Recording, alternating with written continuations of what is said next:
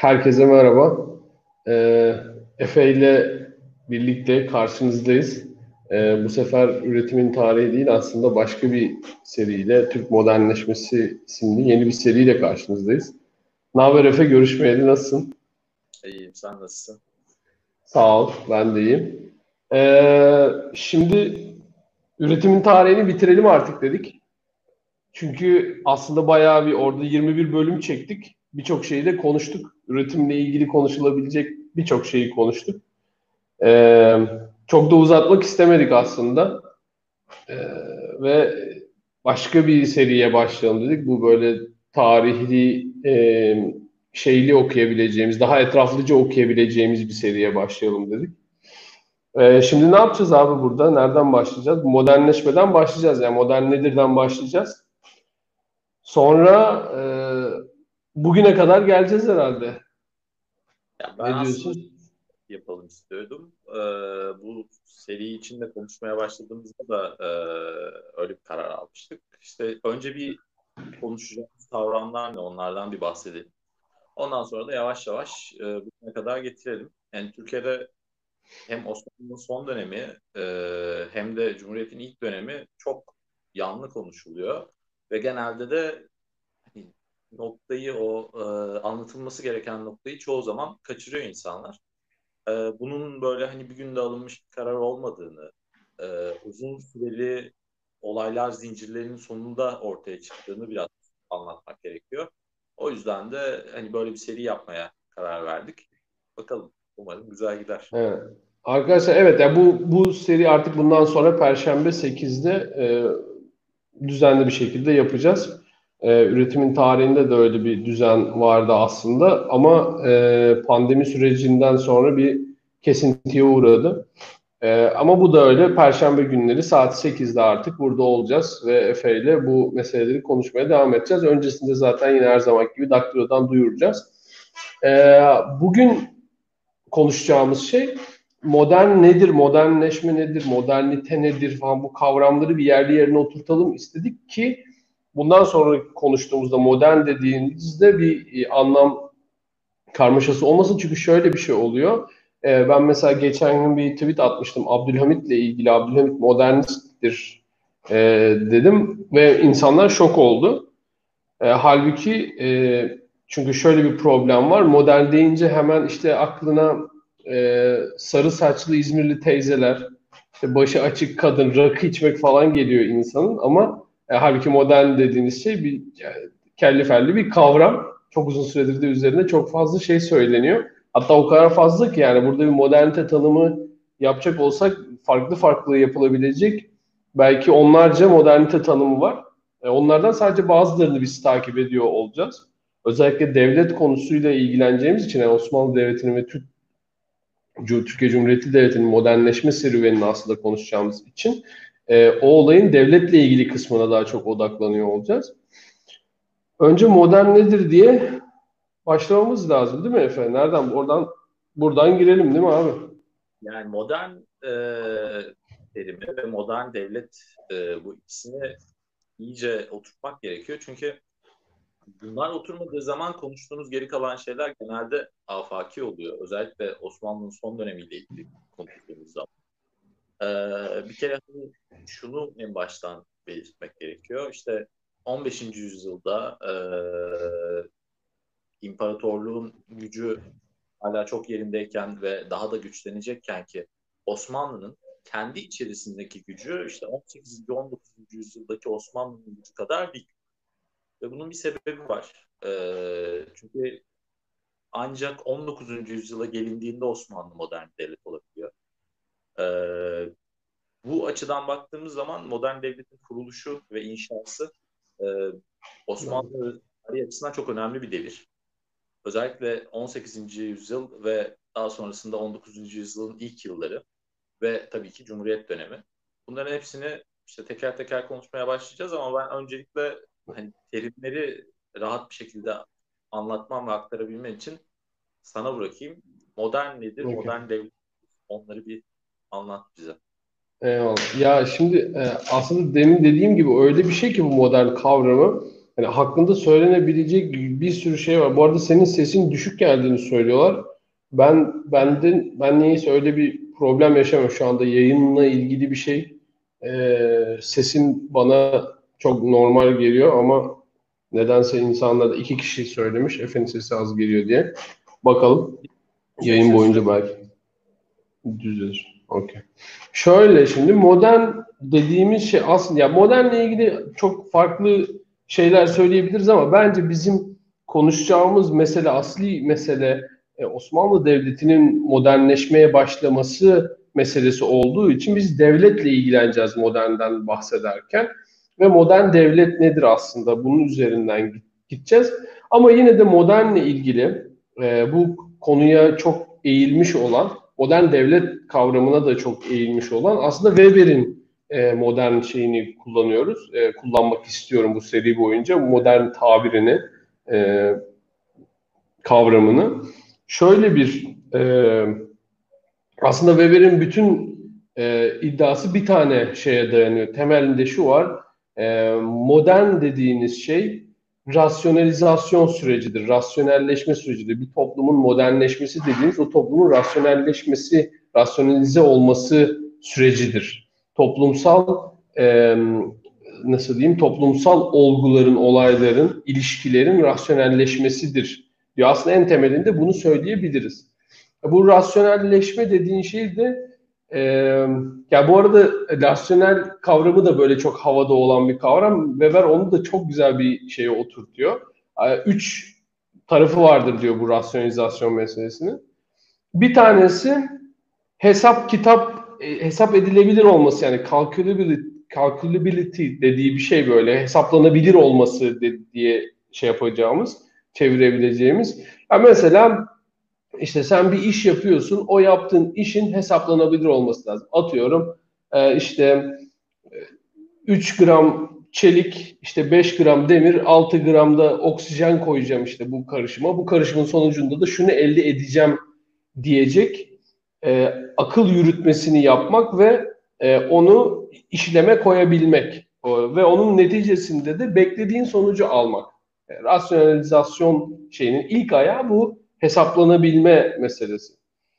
E, ikinci ayağı ise yaptığın işle ilgili e, sürekli düşünür halde olmak. Yani o yaptığın işin daha iyi nasıl yapabilirim, daha verimli nasıl yapabilirim, bu işi nasıl geliştirebilirim meselesine odaklı olmak. Ve hani şöyle, şöyle bir şey yani bu işte insanın şimdi şey vardır ya mesela geçen bu Vedat Milor'un hani yeni bir şey çıktı. Ee, yeni bir YouTube belgeseli yapıyor. Şimdi belgeselde işte pide meselesiyle ilgili bir amcayla gidiyor işte konuşuyorlar. Pide ustası adam. Adama diyor işte adama sorular soruyor e, Vedat Minor ve konuşuluyor, konuşuluyor, konuşuluyor. Adamın adamla ilgili genel olarak şöyle bir tavrı var adamın. Ya işte hani bir şekilde bugünlere geldik. Babamız da bize böyle öğretti. Biz de bunu böyle yapmaya devam ediyoruz. Güzel de diyorlar. Güzelse iyidir. Ben de seviyorum işimi falan. Şimdi tam adamın bulunduğu şey böyle. Şimdi bunu e, Vedat Minor kendi kendine diyor ki yani orada konuşurken ya diyor hep şunu düşünüyorum diyor. Ya bizim pidemiz varken Türkler niye pizza yiyorlar? Ne kadar absürt bir şey bu falan diye düşünüyorum diyor. Ya büyük ihtimalle pide yerine pizza yememizin durumu pidecilerimizin öyle düşünmesi işte. Yani me- meseleyle ilgili e, o refleksivist tavır olmadığı için yani o olgunun içi, şey yaptığı işe bakıp ya ben bu işi daha iyi nasıl yapabilirim? Daha çok insan nasıl satabilirim?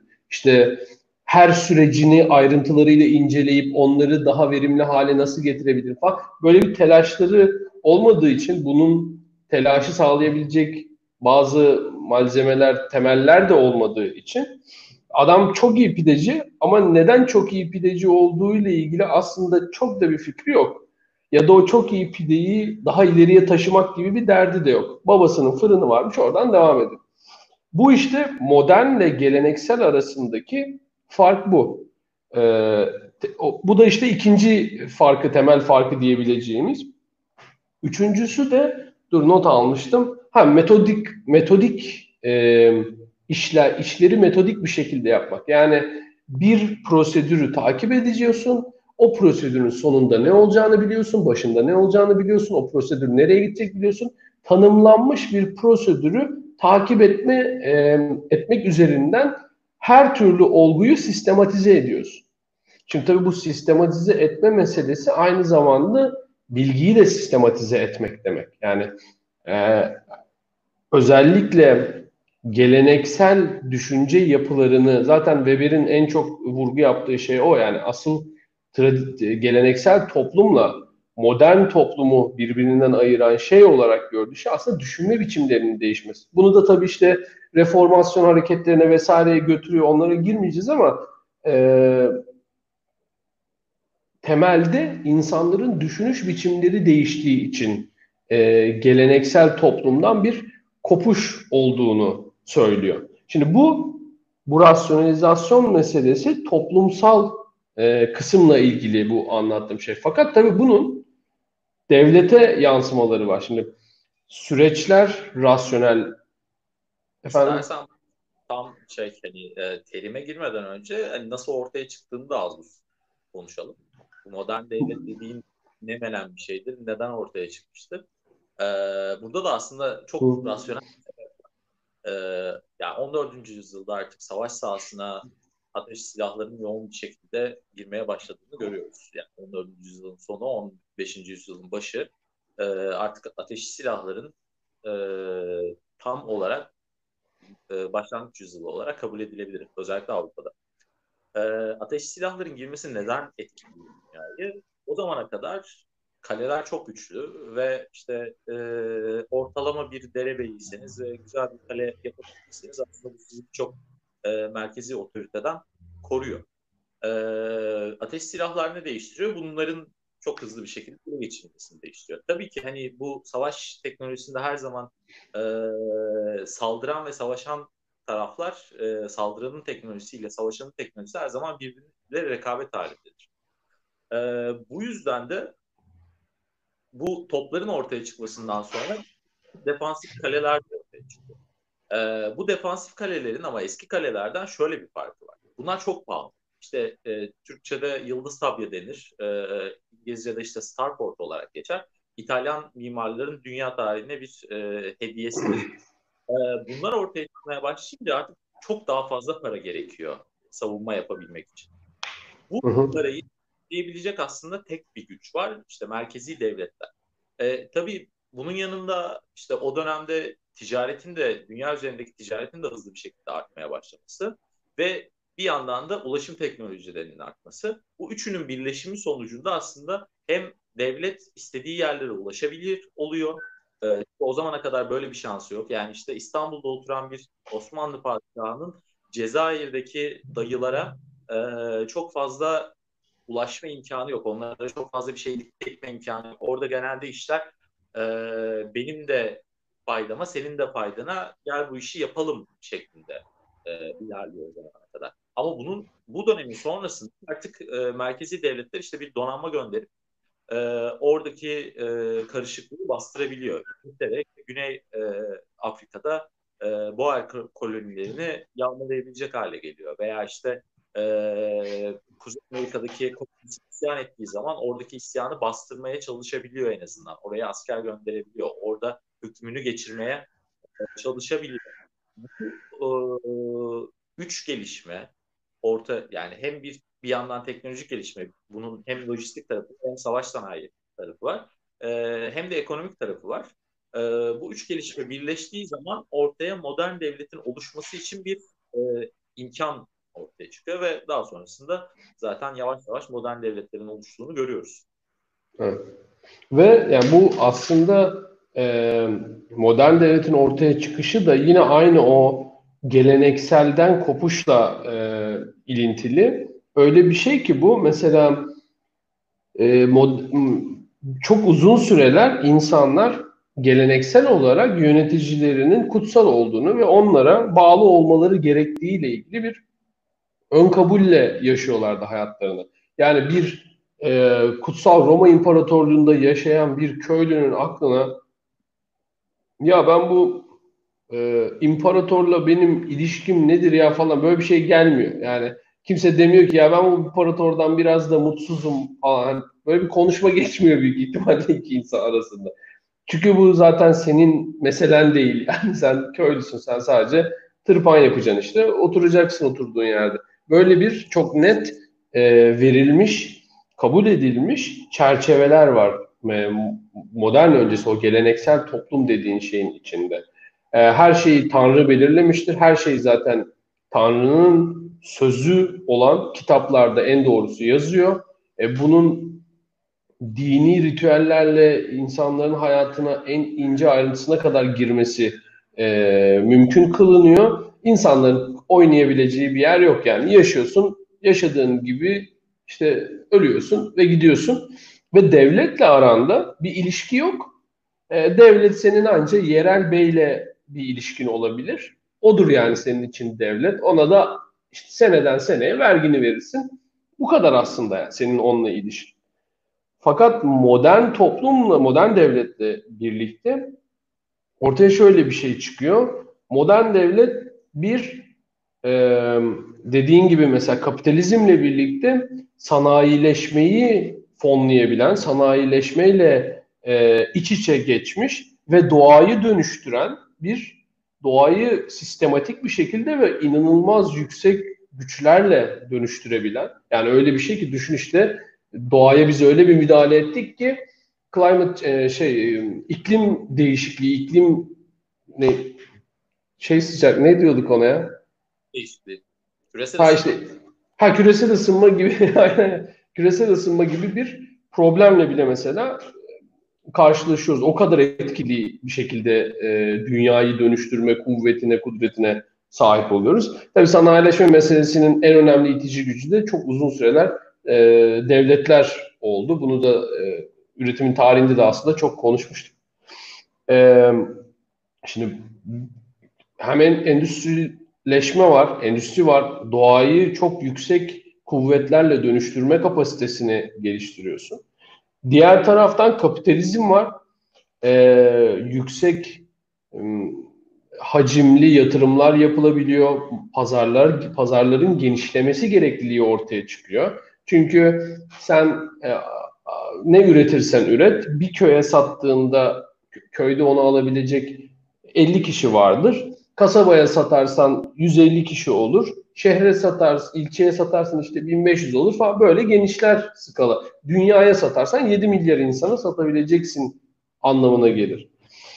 Bu teknolojik dönüşümle birlikte ortaya çıkan e, yeni e, işte gemiler, yeni silah teknolojileri vesaire bunların hepsiyle birlikte sınırların tek bir merkezi otorite tarafından çok e, şey bir şekilde, kuvvetli, kudretli bir şekilde kontrol edilebildiği de bir pazar mekanizması ortaya e, çıkmış oluyor. Şimdi yani işte yine tarihsel yönüne bakarsak e, orada aslında çok büyük bir anlayış değişikliği var. E, ve insanları buna ikna etmek de çok kolay olmadı aslında. Yani o dönemde çok e, önemli isyanlar var. E, o isyanların birçoğunun sebebi de aslında temelde şu. Şimdi geleneksel devlet size şunu söylüyor. E, sen otonomsun. İşte başında bir bey var, ona tabisin. E, veya işte fe, bu işte Avrupa'da feodal bir bey, işte e, Osmanlı'da e, bir ağa e, veya işte daha doğuya giderseniz Asya'da işte küçük e, savaşçı beyler, işte şeyler, şogunlar vesaire. E, buna bağlısın, e, kendinle alakalısın. İşte çok önemli bir olay olmadığı sürece ben sana çok fazla dokunmayacağım.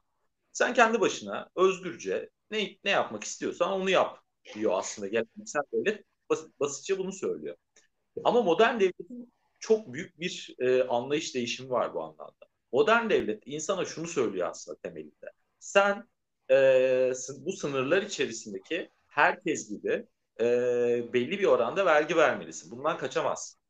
Sen e, bu sınırlar içinde yaşayan herkesle e, afaki bir bağla bağlısın. Yani millet dediğimiz şey aslında işte o 15. yüzyılda çok fazla bir şey bir anlam ifade et. Bunu evet. kaçırmamak. Yani o dönemde kültür çok daha fazla şey ifade ediyor. Ee, yani işte bazı ya Efe özür dilerim abi bölüyorum. bazıları e, sesin hala düşük olduğunu e, söylüyor. Bazı insanlardan da ya bana özelden de yazıyorlar. Efe'nin sesinde bir şey yok diyorlar. Valla hiç anlamış e, değilim meseleyi. Ama biraz daha düzeldi diyor mesela İlhan. Ee, ama devam, e, şey yapabiliriz belki. E, ben konuşurken sen çıkıp bir girmeyi deneyebilirsin. Belki düzeltebileceğimiz bir şey olur.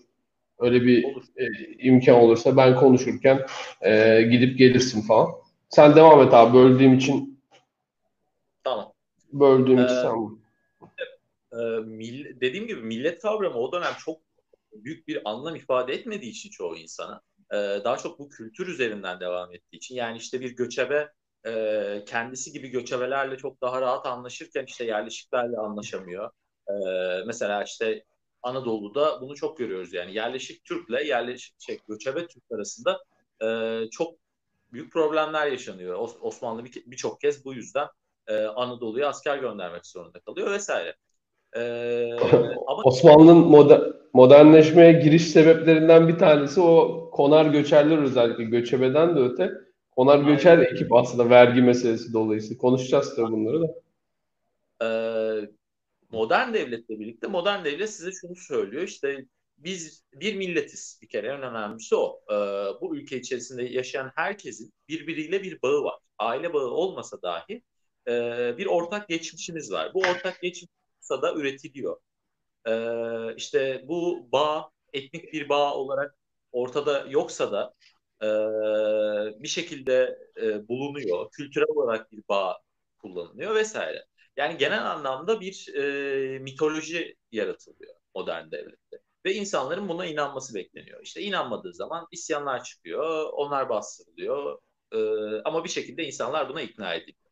E, tabii bunların vatandaş yönünden yani hani o devletin içerisinde yaşayan insanlar yönünden de bir avantajı var. O avantaj da şu siyasi haklar.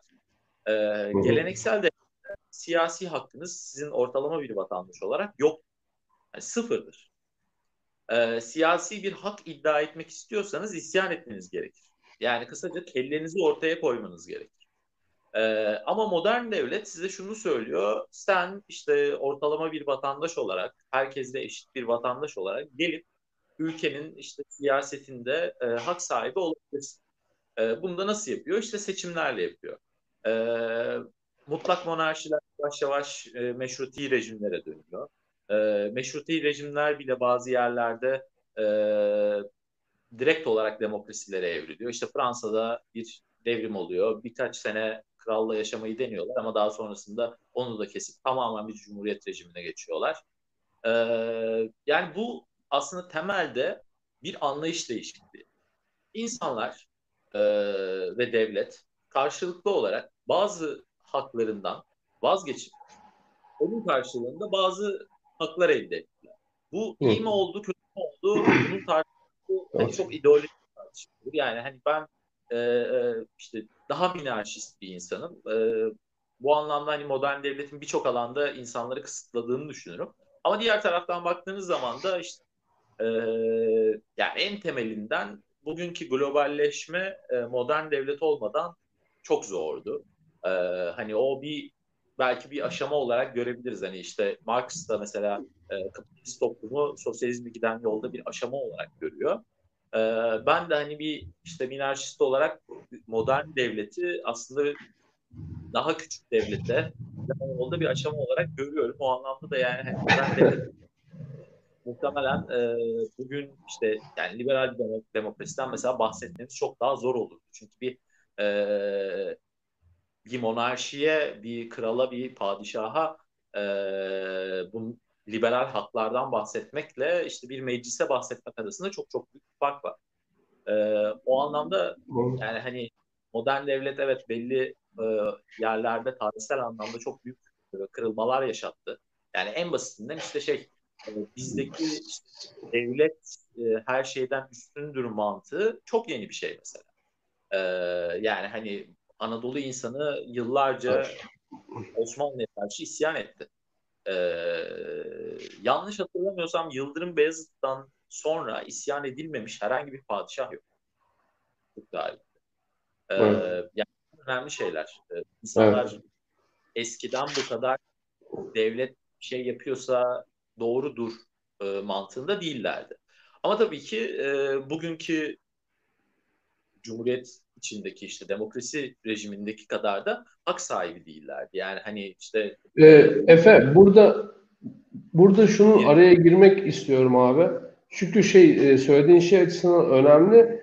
E, Weber'den bahsederken konuştuğumuz şeyde Weber'in bu rasyonalizasyon şeyinin e, kavramsallaştırmasının devletteki en önemli karşılığını da biz iki şekilde görüyoruz. Bir tanesi yönetim biçiminin gelenekselden işte dönüşmesi, daha rasyonel, legal bir kanun bazlı keyfilikten öte ya da e, Tanrı'ya atfedil, Tanrı'dan kaynaklandığı düşünülen bir güçten öte e, kanun dolayısıyla yönetebilmek, kanun gücüyle yönetebilme meselesinin ortaya çıkması. Bu çok önemli bir şey. E, bir devletten, bir modern devletten bahsedebilmek için en önemli şey o devletin çerçevelerinin kanunla belirlenmiş e, yönetim e, ilkelerinin gücünün kanunla yerli yerine koyulmuş olması lazım sen bunu yapmak istediğinde, bu kanunları koyup o kanun çerçevesinde yönetmek istediğinde ortaya doğal olarak bir şey çıkıyor. Bunun sistematizasyonunun sonucu olarak ortaya bürokrasi denilen bir mekanizma çıkmak zorunda kalıyor. Ve bugün de biz hala mesela iyi bürokrasiden bahsederken Weberian bürokrasi diye konuşuyoruz. Öyle bir e, bürokrasi üzerine öyle çalışmış, öyle e, güzel çerçevelemiş ki hala işte biz en son bir makale yazdık ve işte şeyden bahsederken ve idealden bahsederken Weberian demokrasi diyoruz ve literatürü bilen insanlar onun aslında idealden bahsettiğimizi anlıyorlar. O kadar e, yerleşmiş bir şey. Bu bu bürokrasinin en önemli özelliği yani modern devlet dediğimiz şeyin en önemli özelliği e, demin bahsettiğimiz o yerel bey vesaireye göre ve onlarla karşılaştırdığın zaman sen nasıl o feodal yerel beyin e, keyfine göresini yönetmesine e, boyun eğmek zorundaydıysan geleneksel toplumda modern devlette senin devletle kurduğun ilişki e, kişisel olmayan yani impersonal bir ilişki. Sen karşında bir kişi yok, karşında e, keyfi bir e, ke- keyfi bir şeyler yapabilecek bir kişi yok. Onun yapabileceği her şey kanunla sınırlandırılmış ve o insan orada olmasa bile, o bürokrat orada olmasa bile o iş aynı şekilde o bürokrattan başkası oraya geldiğinde de devam etmek zorunda.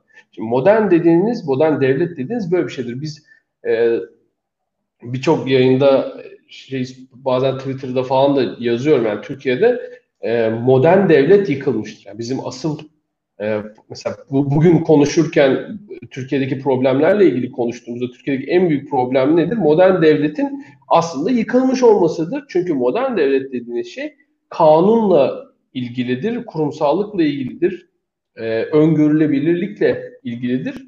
Keyfi olmamakla e, ancak modern olunabilir. Bugünse mesela Hakkari'de siyah maske takmayı yasaklamış vali. Şimdi mesela bunu hangi kanunla, hangi yani nasıl bir şey var bunu bilmiyoruz.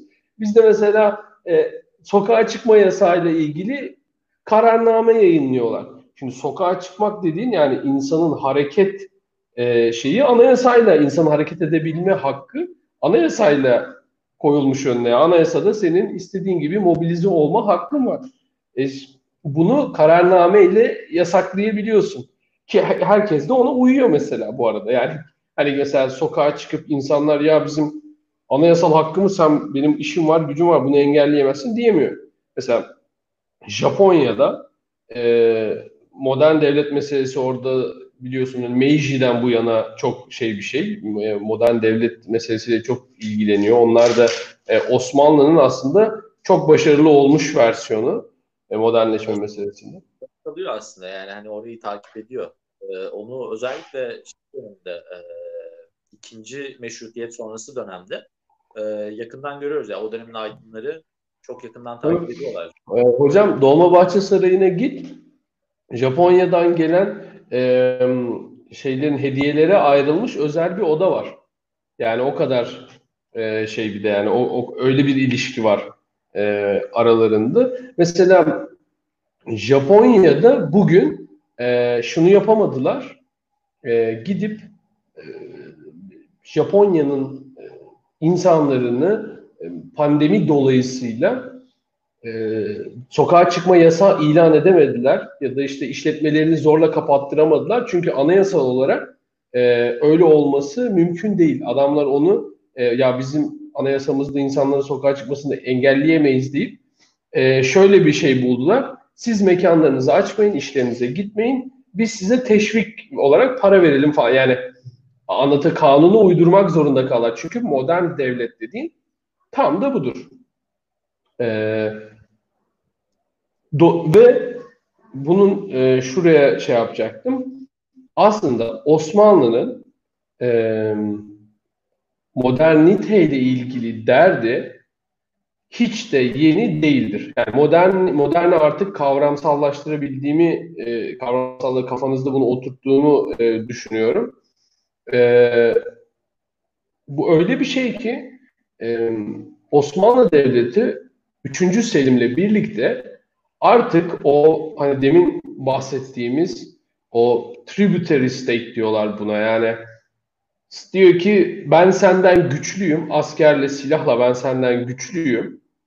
Sana e, askerle istediğimi yaptırabilirim. Geldim mesela işte atıyorum Suriye. Suriye'yi işgal ediyor. Diyor ki bak Suriye ben senden sadece senelik şu kadar vergi istiyorum. Burayı sen yöneteceksin. Oranın eliti olan aile yine orayı yönetmeye devam ediyor. Ee, aslında Osmanlı böyle bir devlet ve halkla ilişkisi tamamen böyle keyfi ve e, olabildiğince de aslında kuralsız. Yani Kanun Sultan Süleyman birkaç tane kanun çıkarttı diye adı kanuni olmuş yani artık. hani tabii o zaman zaten pek yok da.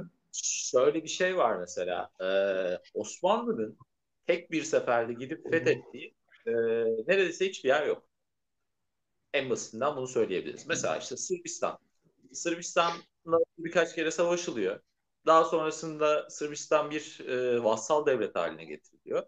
En sonunda işte orada çıkan karışıklıklar bahane edilip orası ilhak ediliyor. Yine aynı şekilde mesela Osmanlı'nın bir seferde en hızlı büyüdüğü dönem Yavuz Sultan Selim dönemidir. Ee, Yavuz döneminde mesela Suriye'deki Memlük beyleri Yavuz'u Suriye'ye davet ediyorlar. Kendi kafasına göre gidip işte ben de bugün hadi Suriye'yi alayım diye gitmiyor oraya. Oradaki beyler önceden konuşulmuş. Onlar işte ya biz sizin yönetiminiz altında daha iyi yaşayacağımızı düşünüyoruz demişler. Yavuz da işte Önce Suriye için gitmiş. Oradan hazır gitmişken Sudan'a kadar ilerleyelim demiş. Öyle tüm Mısır alınmış yani.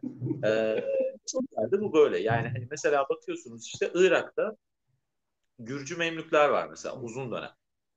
Ee, onlar tarafından yönetiliyor. Ee, e, şeye bakıyorsunuz, e, Yunanistan'a bakıyorsunuz. İşte en basit örneği Yunanistan'da isyan çıkıp Yunanistan'ın bir e, modern bir e, ulusal devlet olmasını sağlayan Tepedelenli Ali Paşa var mesela. İsyan etmesi sebebiyle e, daha sonra Yunan isyanı çıkıyor. E, o mesela işte lokal bir e, bey, ayandan biri ve hani çok güçlü. O kadar güçlü ki Osmanlı merkezileşmeye çalıştığı dönemde onu ortadan kaldırmaya çalışıp e, daha sonra çok da başarılı olamadı. Bunun en büyük örneği aslında işte Kavalalı Mehmet Ali Paşa. Kavalalı Mehmet Ali Paşa o kadar güçlü ki e, Kütahya'ya kadar geldi. Yani hani bu şaka değil. Evet. Osmanlı merkezi bir devlet olmaya çalışırken neredeyse devletin tamamını kaybediyor. Yani ikinci Mahmut çok önemli bir padişahtır. Bana göre Osmanlı tarihinin en önemli üç padişahından biridir. Ee, Bence ama hani, yani böyle başarısızlıkları da var. Bunu da görmek gerekiyor. Ee, o, o çok. Şeyde e, Kavalalı döneminde aslında şeyde Mısır'da kendince bir modernleşme süreci var sanırım değil mi? Yani e, aslında Osmanlı'dan önce modernleşiyor. Yani aslında şöyle anlatmak gerekiyor. Yani Mısır mesela Osmanlı'nın nasıl bir devlet olduğunu çok güzel anlatıyor. Ee, Osmanlılar Mısır'a gittiler. Mısır'ı fethettiler. Ee, Osmanlı neredeyse Memlük Sultanını dahi e, öldürmeyecekti. Daha sonradan o biraz e, isyan isyan çıkarttı. Tekrar başa geçmeye çalışınca e, idam edildi. E, ama hani diğer memlüklere dokunmuyor. Diğer beyler yerli yerinde duruyor. Cezzar Ahmet evet. Paşa döneminde e, bir kısım memlük ortadan kaldırılıyor. Daha sonrasında asıl hani bu işi bitiren Kavalalı Mehmet Ali Paşa oluyor. Kavalalı Mehmet Ali Paşa e, gayet modern bir e, devlet lideri gibi davranarak bu Memlüklerin gücünü yavaş yavaş yavaş yavaş kırıyor ve merkezi bir otorite kurmaya başlıyor. Bundan sonra zaten e, Mısır'ın da bir işte ulus bilinci yavaş yavaş oturmaya başlıyor. E, aynısını işte Osmanlı'nın birçok yerinde görüyoruz. Osmanlı bunu Balkanlarda daha güçlü bir şekilde kırmış. E, ama özellikle Anadolu, e, Güneydoğu Anadolu, Irak, işte Suriye, e, Mısır gibi Arap vilayetlerinde ve Asya'da olan vilayetlerinde bunu çok beceremiyor Zaten bunu yapmaya çalıştığı zaman da yavaş yavaş isyanlar çıkıyor. Yani işte mesela Yemen'e asker gönderilmesi çok yeni bir şeydir Osmanlı için. Osmanlı e, işte Yavuz Sultan Selim döneminde Mekke'ye Medine'ye hakim olmuştu. Ama Yemen'e hiçbir zaman gitmemişti. Yemen'e gitmesi aslında Osmanlı'nın modern bir devlet olmasıyla ortaya çıkmış bir şey. Oraya para harcaması, oraya donanma göndermesi, e, orayı bir şekilde elde tutmaya çalışması ve merkeze bağlamaya çalışması tamamen bir modern devlet karakteriyle yapılmış işler. Yoksa hani işte atıyorum birinci Ahmet döneminde Yemen padişahın doğru düzgün aklına gelmez. İşte orada bir Tabii. var, orada bir işte şeyh var, bir şey var. O bana vergimi gönderiyor mu? Gönderiyor. İşte şey e, asker istersem gönderir mi? Belki gönderir. Tamam işte bitti. Bu kadar. Evet. İşte bu bu e, tributary state denilen mesele modern devlet dediğin şeyle aslında e, bitmeye başlıyor. Yani sen yönettiğin insanlarla aranda sadece e, bana para verin, ben de sizin hayatınızda bir şeyinize karışmıyorum. Dini özgürlükleriniz var, şu var, bu var. Hani istediğiniz gibi yaşayabilirsiniz dininizi. Mesela zaten o dönemdeki e, en önemli mesele o olduğu için yani kimlik, varlık, varoluş o din üzerinden tanımlandığı için e, bunu serbest bıraktıktan sonra insanların işte diniyle uğraşmadıktan sonra insanların devletten çok büyük bir beklentisi de yok. E, devletin de insanlardan büyük bir beklentisi yok. Fakat modernleşmeyle birlikte bu devletle birey arasındaki ilişkinin rasyonalizasyonuyla birlikte devlet tabi insanlardan bir şeyler beklemeye başlıyor. Şimdi e, modern devletin aslında en önemli e, özelliklerinden bir tanesi de bu. Vatandaşından bir şey olmasını bekliyor. Vatandaşından bazı kalıpları takip etmesini bekliyor. Bazı çerçevelere girmesini istiyor. Mesela eğitim veriyor. Şimdi hatta mesela daha öncesinde şey bile var. Önce vatandaşı bir sınıflandırmak için önce bir sayıyor. Mesela Osmanlı'daki ilk sayı 1830'larda olması lazım. Ee, bu bizim şeylere de baktığımız zaman hani bu e, nüfus müdürlüğünden şey oldu ya işte TC kimlik numaranı yazıyorsun ailenin şeyini çıkartıyor. E, ha evet mesela orada işte en eski 1830'lara gidiyor hep insanlarınki falan. Çünkü işte o, orada bir sayım yapılmış. Oradaki kayıt devam ediyorsa eğer şanslıysanız onu bulabiliyorsunuz en erken. Ondan önce sayım bile yok. Çünkü bir anlamınız yok yani. E, ama ne zaman ki modernleşme e, sürecinin içine giriyorlar bu sefer halkı sayacaksın ki e, onun o, o halkla ilişkini daha verimli, daha rasyonel, daha doğru, daha devletin işine yarayacak şekilde şekillendirebilmek için öncelikle bir kere sayacaksın yani bunlar kimdir, nedir, kaçı erkek, kaçı kadın, ne iş yaparlar hani bu, bu önemli bir şey. Daha sonra bunu en önemli şeylerinden bir tanesi e, hep e, yanlarından bir tanesi e, eğitim vermek. E, mesela Prusya'da Frederick the Great'le başlıyor oradaki zorunlu eğitim. Yani insan ilkokul çağındaki çocukları eğitmeye başlıyor. Zorunlu eğitim veriyorlar. E, 1700 1700'lerin ortası. Yani e, şimdi bu muazzam bir şey. Zaten sonrasında o Prusya'nın e, zıplayışında onun etkisini görüyorsun.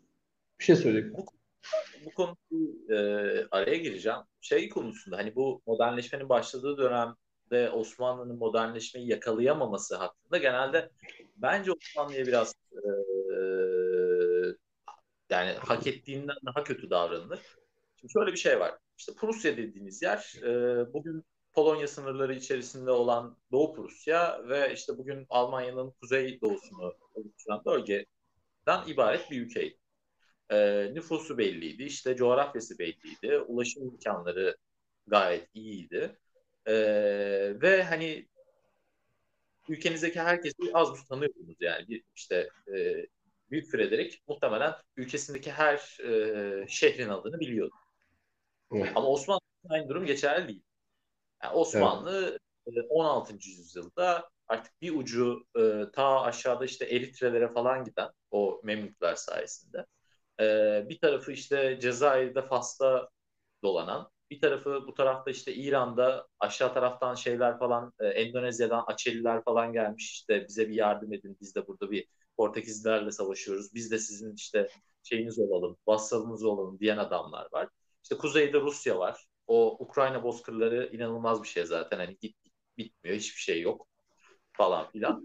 Şimdi böyle bir ortamda sizin hadi ben bugün kalkıyorum tüm işte vatandaşlarıma e, ilkokul eğitimi vereceğim demeniz imkansız.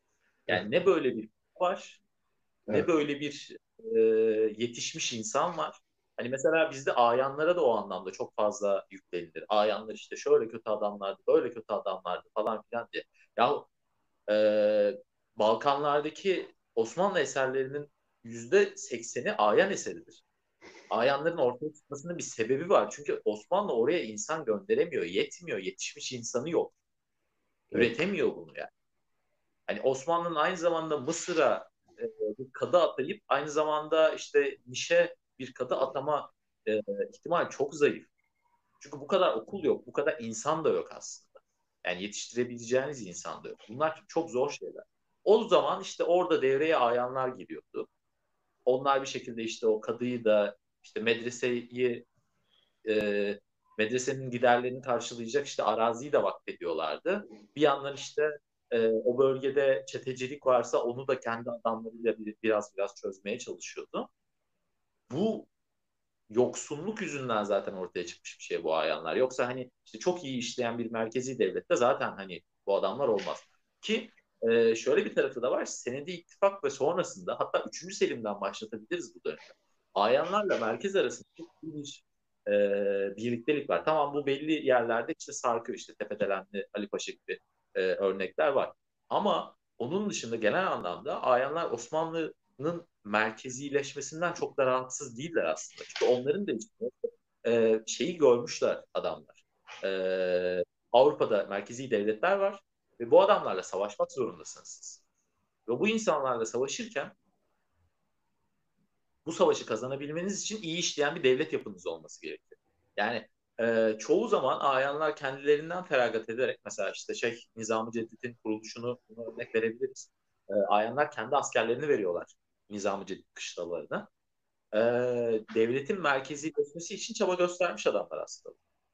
Ha, tabii ki e, bunu bir zarar e, terazisine oturtup genelde karlı tarafta olmaya çalışıyorlar ama e, genel tabloya baktığımız zaman Osmanlı modernleşmesinde ayanların rolü çok da hani bugün anlatılan kadar kötü değil aslında. Bir de şey de değil yani mesela Osmanlı e, çok geç kalmış gibi davranılıyor ama e, mesela Fransız ihtilali olduğunda 3. Selim e, tahta. Yani hani çok da böyle geç kalınmış, olağanüstü hani tamamen Avrupa'ya ka- kapatılmış bir kulak da yok yani. A, burada ciddi problemler olduğunu düşünüyorlar ve e, devletin elinin güçsüz olduğunu da görüyorlar. Çünkü yani 3. Selim'i işte öldürüyorlar. Ee, hani Bayraktar Paşa olmasa, yani başka birisi belki şey yapabilse ikinci Mahmut da tahta geçemeyecek belki. Belki bambaşka problemlerle karşılaşılacak. Öyle bir şey ki bu. E, yani 1780 Efendim abi? Ya öldürmeye ikinci Mahmut'u öldürmeye geliyorlar. Sarayda pencereden atlayıp kurtuluyor. Yani düşün Hatta ya. o şey diye hani e, paşa soruyor yahu bu kimdir diye. İşte bu da bu yeni padişahımızdır diyorlar. Ha iyi o zaman. Tamamen şanssız. E, Ve yani e, bu şimdi öyle bir şey ki bu adamlar hani o kadar mı geç kalmışlar? E, o kadar da değil. Ama elleri de e, kuvvetsiz ki bunu yaparken çok e, problemlerle karşılaşıyorlar. Özellikle işte yani Yeniçerileri ortadan kaldırmak çünkü elinde silahlı kuvveti olan insanlar bunlar. Bununla ilgili mesela çok e, çok zorlanıyorlar. E, o devletin o güçsüzlük durumundan kimse memnun değil ve bunu Osmanlıları öyle e, kulaklarının üstüne yatıp ya böyle bir şey yokmuş gibi falan yapmıyorlar. Çok uzun süreler e, çok e, yani Fransız ihtilalinin olduğu dönemde yani şöyle düşünelim Fransız ihtilalinden önce ulus diye bir kavram bile yok. Yani modern devletten bahsederken modern devletin en önemli şeylerinden bir tanesi de ulus meselesine dayanmasıdır. O o üretilen komünite hissine, duygusuna, o e, bu sınırlar içinde yaşayan herkes birbirinin dengidir e, e, meselesine yaslanan bir tarafı var modern devletin. E, şimdi Fransız Fransız ihtilalinden sonra ancak e, modern devlet, yani modern anlamda bir ulus denilen kavram ortaya çıkıyor. İşte en önemli şeylerinden bir tanesi de Napolyon'un e, çok yüksek kişiler, çok fazla insan barındıran orduları mobilize edebilme kudretine erişmesi ve e, bu arada öyle de bir şey ki o Napolyon Avrupa'yı fethettikçe oralara da modern devleti de bir yandan taşımış oluyor. Vatandaşlık meselesini taşıyor. İşte bir sürü kavramsal seti kendi yanında götürüyor gittiği yerlere de. Yani şimdi 1789'dan sonra olanlar, bu 1800'lerin başı. E o zaman da 3. Selim'de reform hareketlerine girişmeye çalışıyor. Yani Osmanlı öyle tamamen bitmiş, mahvolmuş, kenarda bekleyen köhne bir e, imparatorluk değil. Ve imparatorluğun başındaki insanlar gayet bilinçli, aklı başında bir şekilde ya bizim belli ki biz bir şeyleri yanlış yapıyoruz. Ee, hani her şey yavaş yavaş elimizden kayıyor. Ne memleketin içine hakim olabiliyoruz, ne sınırlarımızı koruyabiliyoruz. Böyle absürt bir durumun içindeyiz. Ee, kendi askerimizin bize ne yapacağından şeyimiz yok. Yani ne, ne olacağını bilmiyoruz. Ya bu durum çok kötü. Bizim bunu nasıl kontrol altına almamız lazım diye oturup e, düşünüyorlar ve bunu da e, o şartlar altında yapılabilecek en iyi şekilde de yapmaya çalışıyorlar ve bu şunu gösteriyor. Yani belki de en sonunda söyleyeceğimiz en başında söylemek lazım. Türk modernleşmesi öyle e, Atatürk'le Atatürk'ün gelip bir anda işte Arapçayı Arapça alfabeyi kaldırıyorum falan deyip yaptığı işte radikal bir dönüşüm sonucu ortaya çıkmış böyle bir şey değil. Türk modernleşmesi 250 yıllık bir sürecin e, işte 3. Selim'den en azından başlatabileceğimiz daha da hani belki gideriz eski ama 3. Selim'le böyle göz görünür hale gelen ve gayet sistematik e, devletin e, yönetimini rasyonalize, rasyonizasyona tabi tutmaya çalışan Weberian anlamda bir bir süreç. Yani evet. hani şunu söylemek lazım mesela orada bence e, göz önünde tutulması gereken örneklerden biri.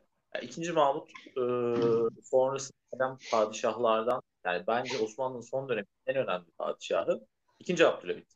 E, ve İkinci Abdülhamit döneminde Anadolu'daki halkı aç bırakmak pahasına okullar açıldı. Yani evet. Ve o okullar Kurtuluş Savaşı diye bir şey olmazdı. Türk modernleşmesi belki devam etmezdi. Yani bu çok önemli bir şey. Ee, bilinçli bir modernleşme olduğunu çok rahat görüyorsunuz. Yani hani işte ne diye bahsedilir şey ikinci Abdülhamit'ten her zaman? İşte çok muhafazakar bir adamdı. E, çok muhafazakar bir adam işte ülkenin ilk kız okullarını açtı. Yani Türkiye'de kadınların bir şekilde e, toplumsal hayata dahil olmalarını sağlayan şeylerden en önemlilerinden biri kız okullarıdır. İşte Halide Edipleri vesaire çıkartan e, okulları Abdülhamit açtı. E, insanların kadınlar da işte öğretmenlik yapabiliyorlar, kadınlar da işte bir şeyler öğrenebiliyorlar fikrini Türkiye'de, bu coğrafyada e, anlayabilmelerini, bunu idrak etmelerini ve kabullenmelerini sağlayan insan yani ilk insan belki de Abdülhamit.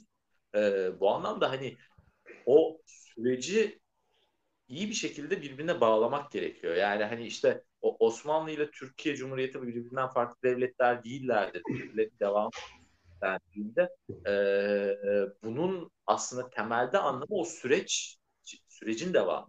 Yani e, baktığınız zaman ikinci Mahmut'la işte e, Abdülmecit'le veya şeyle e, ikinci Abdülhamit'le işte Atatürk'ün, İsmet Paşa'nın, Celal Bayar'ın e, birbirlerinden oturup da çok fazla e, tartışacakları, birbirlerine çok fazla karşı çıkacakları şey yoktu aslında.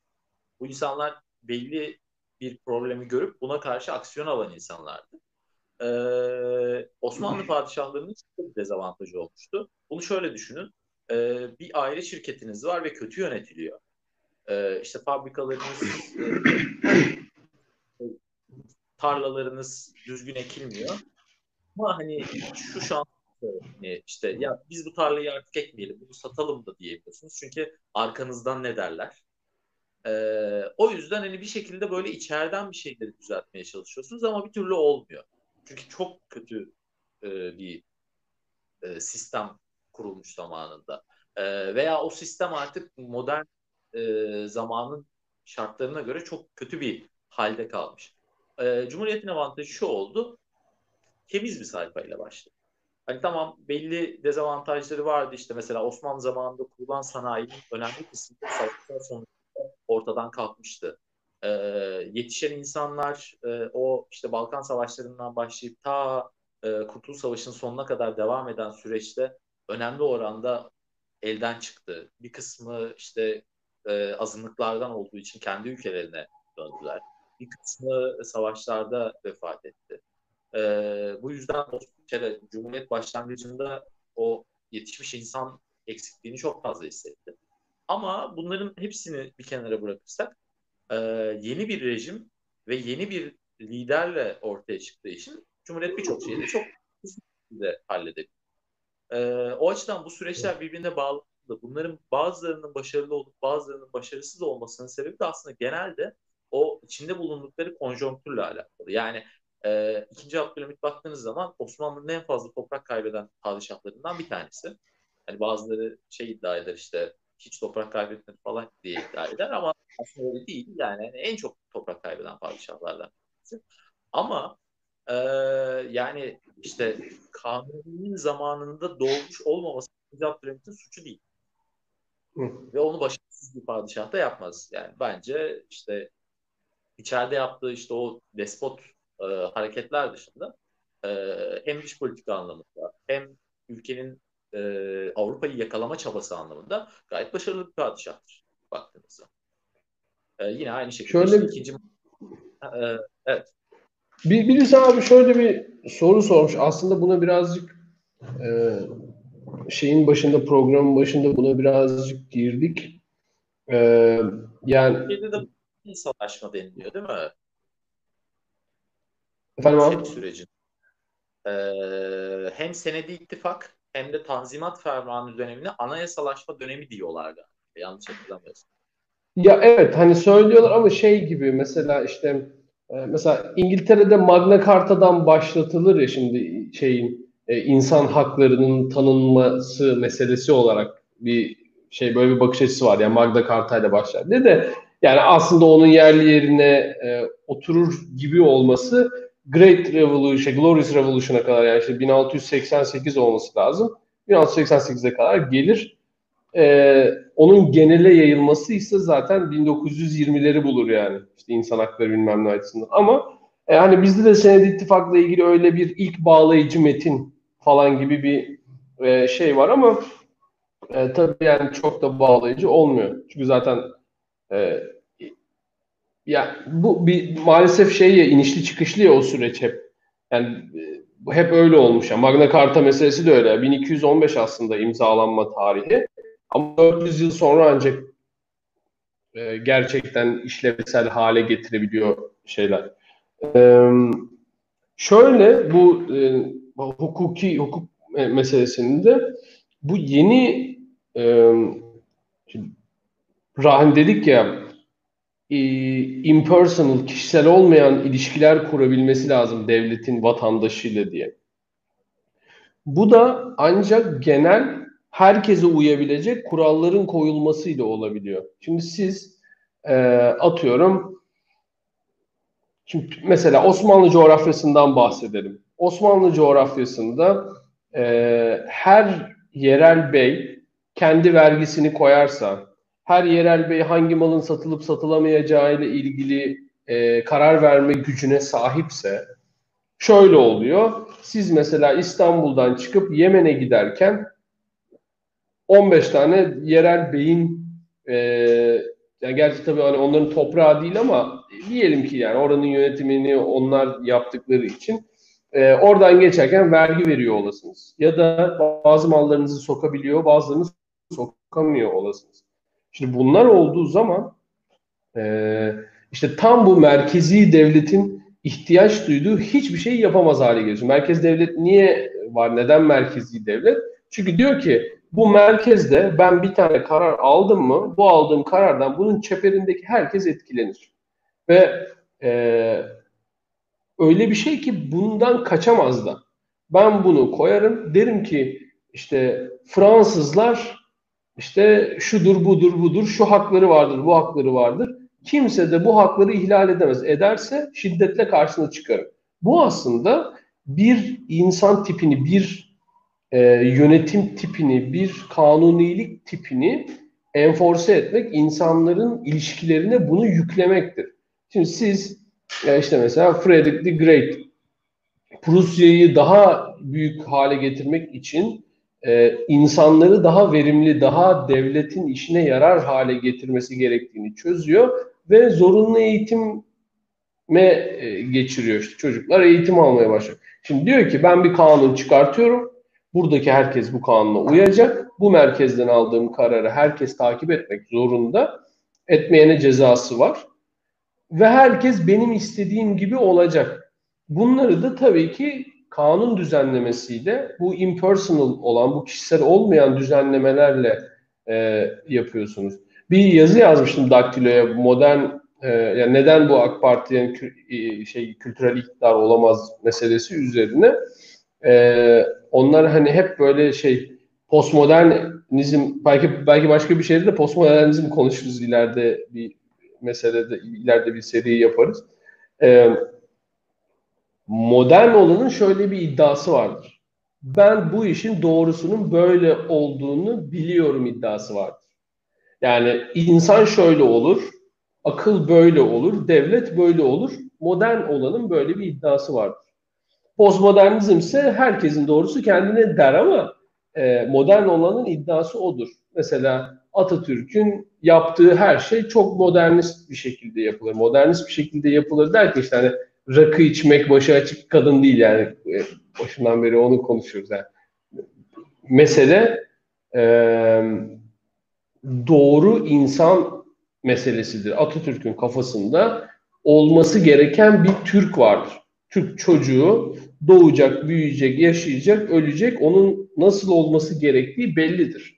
Devletinin nasıl olması gerektiği bellidir.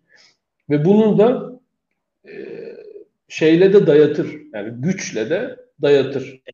Ben işte Cumhuriyet tarihinin tartışmalı, erken Cumhuriyet tarihinin tartışmalı olaylarından biri. İşte o Dersim isyanları mesela çok net bir şekilde onun ürünü. Yani ben buraya okul açacağım ve o çocuklar bu okullarda okuyacaklar diyor bir taraf. Diğer taraf kız Ben şimdiye kadar böyle bir şey görmedim. Bundan sonra da istemiyorum diyor. Ee, ve bunun çatışması var orada yani. Temelde o aslında. Bu hukuk meselesiyle ilgili de bir ek yapayım. Ee, Osmanlı'da mesela parçalı bir hukuk var. İşte Müslüman kadıya gidiyor. İşte ha, şey e, Yahudi e, kendi e, hakimliğe gidiyor. Genelde hahamlar oluyorlar. İşte e, Hristiyanlar aynı şekilde. Bir de bizde kapitülasyonlar sebebiyle yabancı e, ülkelerin vatandaşlarını yargılayama, yargılayamama gibi bir sorun var. Yani bu da bölüyor aslında bir yandan hukuku. Yani bu e, bence bizim tarihimizin en e, acı ve en utandırıcı olaylarından biridir. Biz e, 2. Abdülhamit'e suikast düzenleyen teröristi yargılayamadık Türkiye'de. Çünkü Belçika vatandaşıydı ve ülkesi Türkiye'de yargılanmasına izin vermedi.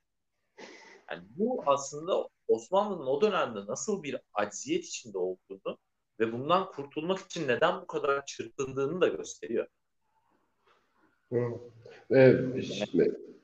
Hani Osmanlı içerisinde herhangi bir Osmanlı vatandaşı işte özellikle İstanbul'da, büyük şehirlerde burun kelimesini ağzına alamazken e, öyle bir baskı rejimi varken diğer taraftan işte bir Belçika vatandaşı gelip bu Kanka, bilmeyenler vardır belki. Burun kelimesinin neden dile ağza alınamadığını da söyle de belki bilmeyenler vardır.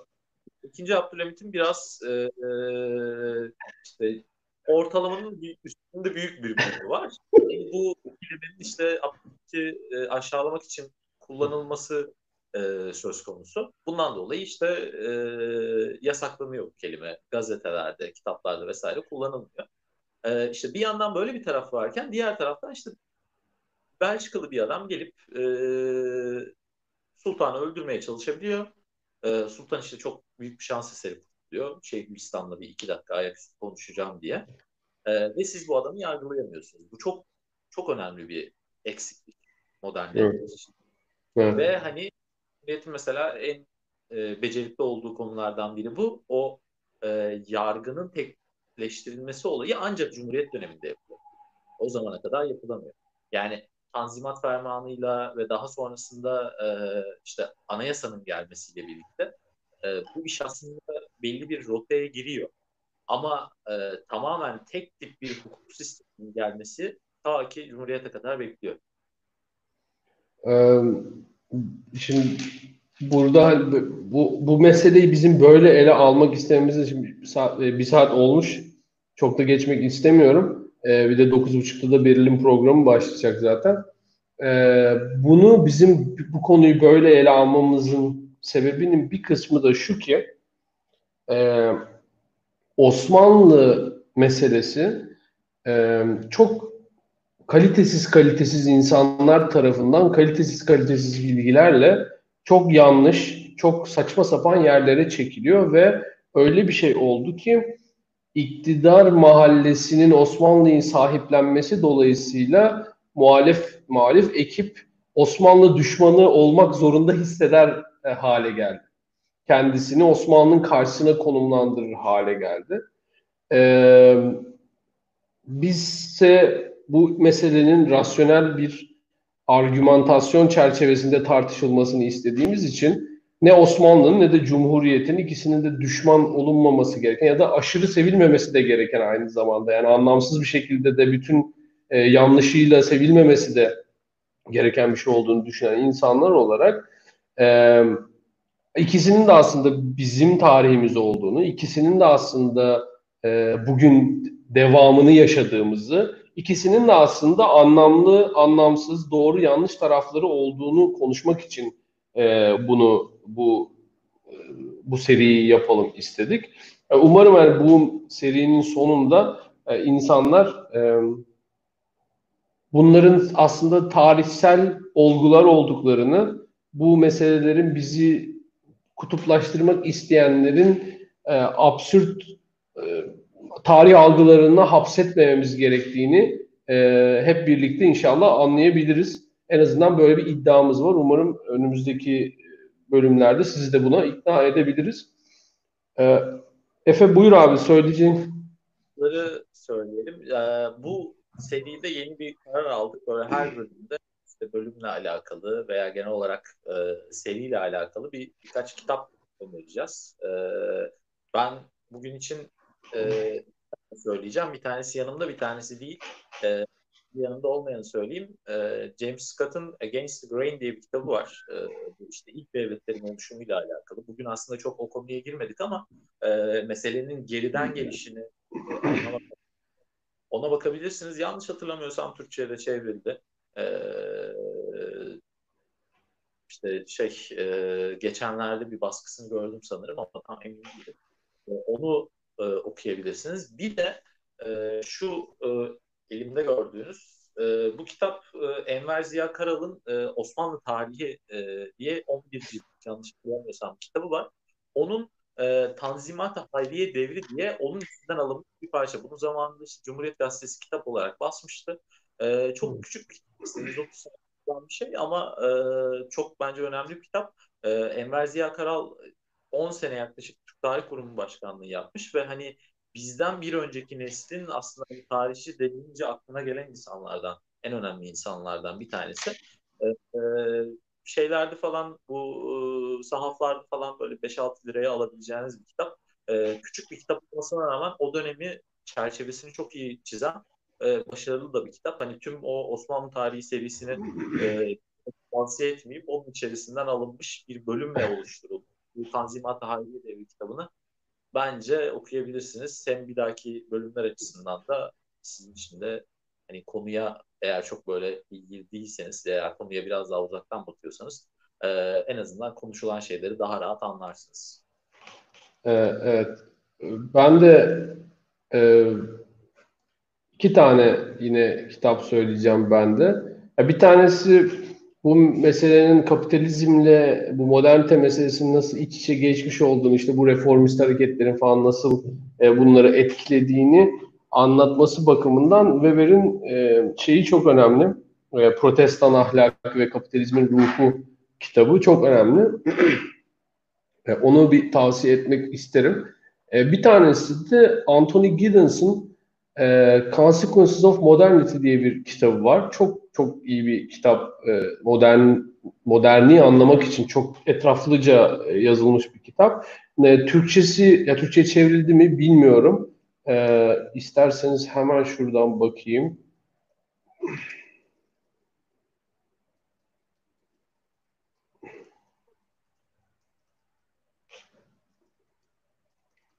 Bu tabii çok kült bir kitap. Yani büyük ihtimalle çevrilmiştir diye düşünüyorum. Ee, ha, modernliğin sonuçları olarak çıkart, çıkmış ve kitap yurdunda bulabiliyorsunuz. Ve hani bu konuyla ilgili etraflıca okuma yapmak istiyorsanız e, onu tavsiye ederim. Bir de tabii e, Weber'in bürokrasiyle ilgili bir şey var. Bürokrasi olarak da basıldı. Hatta Liber Plus'ta bastı sanırım. Küçük bir kitap olarak bastılar. Bir e, bazı yazıtlarının bir parçası olarak e, bastılar. Tabii Weber'in yani yani Weber'in o kadar çok okunacak şey var ki bürokrasi meselesiyle eğer ilgileniyorsanız e, illaki Google'a Weber ve bürokrasi yazın. İngilizceniz varsa İngilizce bir sürü de e, makale de bulabilirsiniz. Hem Weber'in yazdığı hem de Weber üzerine yazılanlar. E, bunları tavsiye ederek e, ilk bölümümüz hayırlı olsun diyorum. Bizi izlediğiniz için çok teşekkür ederiz. E, bize eşlik ettiniz. Bundan sonrasında ilk e, ilk olarak herhalde 3. Selim döneminden başlayacağız değil mi?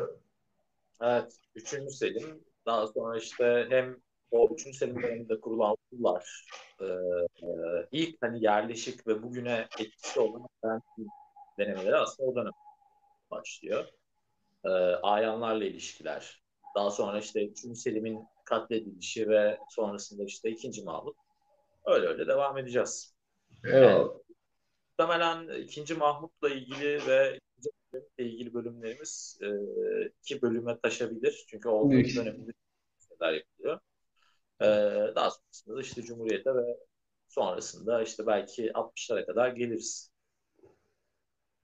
Evet evet 60'lar ben bana da 60'lar iyidir geliyor, e, gibi geliyor. E, daha bunun tam e, etraflıca şeyini çıkartmıyoruz. Sadece ilk başı biliyoruz. Sonu nerede bitecek bilmiyoruz.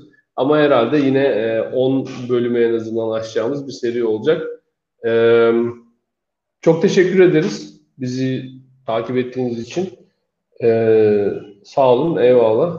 Ee, elinize sağlık diyenlere teşekkür ederiz bizi dinlediğiniz için. Efe sana da teşekkür ederim abi. Özlemişim seninle muhabbet etmeyi. Ben İyi ki geldin. Ee, kendine iyi bak. Görüşürüz. Herkese